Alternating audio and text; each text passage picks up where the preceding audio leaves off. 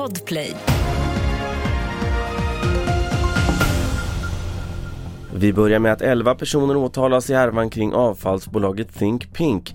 Fem av dem för grovt miljöbrott, däribland bolagets grundare Bella Nilsson. Think Pink misstänks ha dumpat och grävt ner osorterade byggsopor i flera kommuner. Vi hör vår juridiska expert Johanna Björkman.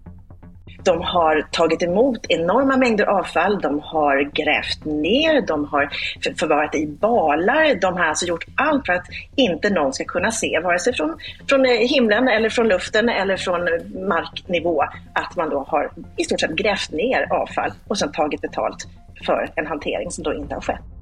USAs högsta domstol kommer sannolikt avgöra om USAs förre president Donald Trump får stå på valsedeln i Colorado i nästa års primärval som hålls den 5 mars.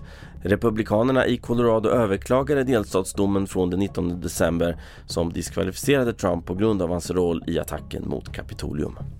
Och sist om att i Storbritannien har vinylskivan gjort stor comeback. Årets försäljningssiffror var de högsta sedan 1990, det rapporterar BBC.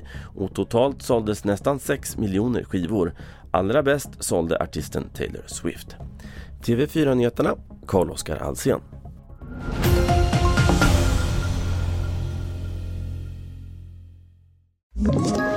Ett poddtips från Podplay.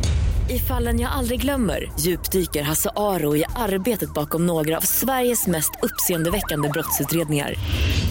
Går vi in med hemlig telefonavlyssning och, och då upplever vi att vi får en total förändring av hans beteende. Vad är det som händer nu? Vem är det som läcker? Och så säger han att jag är kriminell, jag har varit kriminell i hela mitt liv men att mörda ett barn, där går min gräns. Nya säsongen av Fallen jag aldrig glömmer på Podplay.